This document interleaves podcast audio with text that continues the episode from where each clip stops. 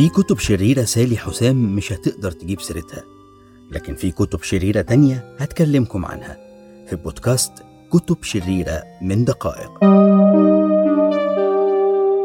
في مدينة أنسبرج في النمسا كان الكاهن هنريش كريمر ماشي في الشارع لقى قدامه واحدة ست من سكان المدينة. اسمها هيلينا شوبرن اللي أهنته وتفت عليه ولعنت اسمه بسبب تعصبه والنتيجة إنه حلف ينتقم منها ويلفق ليها تهمة السحر وبعدها ألف كتاب مات بسببه عشرات الآلاف من الستات في أوروبا وأمريكا. ده كان كتاب Malleus Maleficarum أو مطرقة الساحرات. هنريش كريمر كان كاهن كاثوليكي متشدد حتى بمقاييس القرون الوسطى. كان شايف إن السحر جريمة الكنيسة بس هي اللي تحاسب مرتكبها مش المحاكم العادية. وإن الستات تحديدا هم المشتبه فيهم دايما. وكان رأيه مكروه لكن خطبه ليها شعبية عند عامة الناس. وأكتر من كده كان إلزاما على كل سكان المدينة إنهم يحضروها وإلا فالتهم جاهزة. لكن أغلب المدن والدويلات الألمانية شايفة إن كريمر دخيل عليهم وعلى سلطات القانون المحلي لأن في قانون بابوي من سنة 1258 بيسمح بمحاكمة السحرة في محاكم مدنية والعقوبة عادة كانت التعذيب أو الحبس لكن دايما بيتم الإفراج عن المتهم. حتى المجتمع نفسه كان شايف إن السحر ممكن يبقى جريمة لكن مش كفر أو له علاقة مباشرة بالشيطان نفسه. وقبل كده كمان كان في قصص عن سحرة طيبين زي ميرلين في قصة الملك أرثر. وكلمة witch بالإنجليزي كانت أصلا معناها مرتبط بالحكمة أو المسنين اللي بيشتغلوا في العلاج بالأعشاب قبل ما يتحول معناها لكلمة ساحرة. وكلمة هاج المرتبطة في ذهننا بست عجوزة شكلها وحش أو بتمارس الشعوذة. كانت زمان كلمة مدح لست سنها كبير وبتعتبر من كبار قريتها. لكن الغضب الشعبي وهوس حرق السحرة زاد تحديدا بعد طاعون الموت الأسود واللي غير وجهة نظر الناس ناحية السحر والطب تماما. لأن كان حجم الوفيات الضخم خلى الناس تدور على حد تلومه في الشر اللي بيحصل قدامهم وما لقوش غير اللي كانوا بيشتغلوا في العلاج سواء كانوا رجالة أو ستات. ومع ذلك كان القانون مستمر زي ما هو. السحر تهمة مدنية والمحاكم مدنية. حتى حرق جان دارك في فرنسا بتهمة السحر سنة 1431 كان حاجة نادرة وتم على إيد الإنجليز اللي كانوا محتلين فرنسا وقتها. سالي حسام وبودكاست كتب شريرة.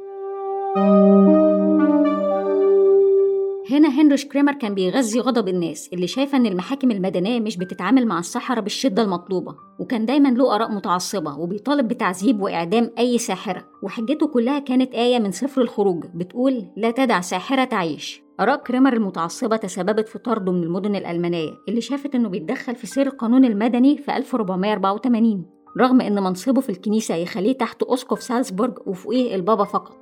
النتيجة إنه رجع لروما وأقنع البابا بتحويل تهم السحر لمحاكم التفتيش وإعلان إن السحرة هراطقة وتتم ملاحقتهم بأي وسيلة. بكده رجع كريمر لمدينة أنسبرج وبدأ حملة ملاحقة السحرة اللي أغلبهم ستات طبعا في وجهة نظره. وبسبب تشدده حصل الموقف الشهير بينه وبين هيلينا شوبرن اللي وقفته في الشارع وأهنته وتفت عليه ووصفته بإنه راهب شرير. بعدها على طول في 1485 لقت هيلينا نفسها متهمة بالسحر ومعاها 13 من سكان المدينة. المحاكمة نفسها كانت فضيحة لأن كريمر فضل في مرافعته يتهم هيلينا بإنها على علاقات غير شرعية برجالة في المدينة وإنها حاولت تقتل واحدة بالسحر عشان تخطف جوزها ويبقى عشاها. وفضل يعدد تهم الزنا ويربط بين الزنا والسحر من غير ما يقول دليل صريح على ممارسة السحر. حكام المدينة بما فيهم كتير من رجال الكنيسة ما كانوش شايفين إيه علاقة السحر بأي ذنوب جنسية ممكن تكون هيلينا عملتها أو ما عملتهاش. القضية قضية سحر مش زنا. كمان ظهرت اتهامات إن كريمر بيزور في سجلات القضية وأقوال الشهود عشان يضمن النتيجة اللي هو عايزها.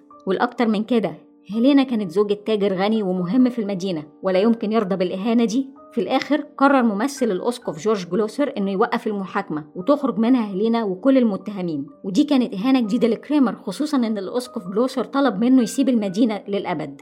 وبسبب ده بيسافر كريمر لكولونيا في ألمانيا وبيبدأ تأليف كتاب مطرقة الساحرات أو باللاتيني Malleus Maleficarum واللي اتنشر في سنة 1487 ومعاه بيبدأ انتقام كريمر الحقيقي من كل الستات مش بس هيلينا. سالي حسام وبودكاست كتب شريرة. في مقدمة الكتاب كريمر حط قرار البابا اللي عينه مسؤول عن مطاردة الساحرات. يعني من الأول بيثبت حقه في كل اللي عمله واللي هيعمله. الكتاب نفسه بيبدأ بعبارة إن الإيمان بوجود الساحرات جزء أساسي من الإيمان الكاثوليكي وإن التشكيك في ده نوع من الهرطقة. كمان الكتاب بيعتمد على اقتباسات من مفكرين وفلاسفة من العصور القديمة زي سينيكا وأرسطو عشان يحذر من خطر منح السلطة للنساء وإزاي إن الست لا يمكن تكون مساوية للراجل. واعتبر إن الستات شر ضروري لازم الراجل يتحمله لأنها إغواء من الطبيعة وأقرب للشيطان بسبب الخطيئة الأولى ومع ذلك ما ينفعش يكون في طلاق لأنه ممنوع من الكنيسة. وبالتالي الست اختبار دائم للرجل المؤمن وأضمن وسيلة عشان تعدي الاختبار ده هي السيطرة الكاملة على الست. اللي لو كانت فاضلة فعلا يبقى لا يمكن تشتكي من السيطرة أو التحكم. والدليل على إمكانية وجود سيدات فاضلات هو وجود السيدة العذراء. مع تحذير إن الكويسين دول أقلية الكتاب نفسه بيضم إرشادات إزاي تقبض على الساحرة أو تستجوبها أو تعدمها وكان بيسيب المجال مفتوح لأي عمليات تعذيب وحشية تحصل. المهم يبقى فيه اعتراف. وإزاي الشخص العادي بيتحول لساحر أو ساحرة؟ الأول من خلال لقاء مع الشيطان وتقديم الولاء له بتقبيل مؤخرته. في المقابل الشيطان بيدي الساحر أو الساحرة قدرات خارقة زي الانتقال من مكان للتاني في لحظة وإنجاب أبناء الشيطان والتسبب في العجز الجنسي للرجال والتسبب في العقم للنساء وممكن كمان تحول الراجل لحيوان أو تنشر أمراض. كمان بيتهم الساحرات بتعمد قتل الأطفال الرضع عشان يستخدموا جثثهم في صنع التعاويذ أو الجرعات السحرية. وبالتالي بقى صعب على أي ست تمارس مهنة الطب أو تمارس العلاج التقليدي وإلا تبقى ساحرة خصوصا لو مات المريض. وبالكتير قوي تبقى داية أو مولدة ويا ويلها لو المولود أو أمه ماتوا لأنها هتبقى متهمة بالسحر في القرون الوسطى اللي معدل وفيات الأطفال فيها حوالي 50% مش بس المهن اللي الستات ممكن تشتغلها ده مجرد وجود مجموعة من الستات بيدردشوا مع بعض ممكن يقود لتهمة السحر لأنه بحسب كريمر طبيعة الستات إنهم يتكلموا كتير وينشروا الشر بينهم وبالتالي كل ساحرة هتعلم اتنين أو تلاتة غيرها وهكذا. بالتالي بقى سهل إن أي ست عندها حياة اجتماعية نشطة شوية أو معارف كتير تلاقي نفسها متهمة بالسحر هي وأصحابها عشان مش قاعدة في بيتها تحت سلطة زوج أو أب أو أخ.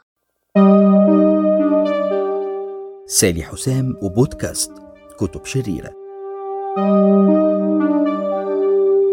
كريمر مات سنة 1505 لكن الكتاب كان منتشر جدا في أوروبا. حتى مارتن لوثر مؤسس البروتستانتية واللي هاجم الكنيسة الكاثوليكية كان شايف إن الكتاب ده صحيح تماما في كل كلمة ولازم يتم استخدامه في مطاردة الساحرات. وطبعا ده اللي حصل في محاكمة الساحرات في سيلم في أمريكا. قبل الكتاب ده كانت النظرة العامة إن السحر ممكن يمارسه رجالة وستات لكن كريمر خلى التهمة مركزة على الستات. وقليل ما كان يتم اتهام راجل بالسحر. تأثير الكتاب فضل مستمر للعصور الحديثة لأن حتى الكاهن والكاتب الإنجليزي أوجستس مونتاجيو سامرز في أوائل القرن العشرين قال عن الكتاب ده وهو بيترجمه للإنجليزي الحديث إنه واحد من أهم وأكثر الكتب حكمة في العالم.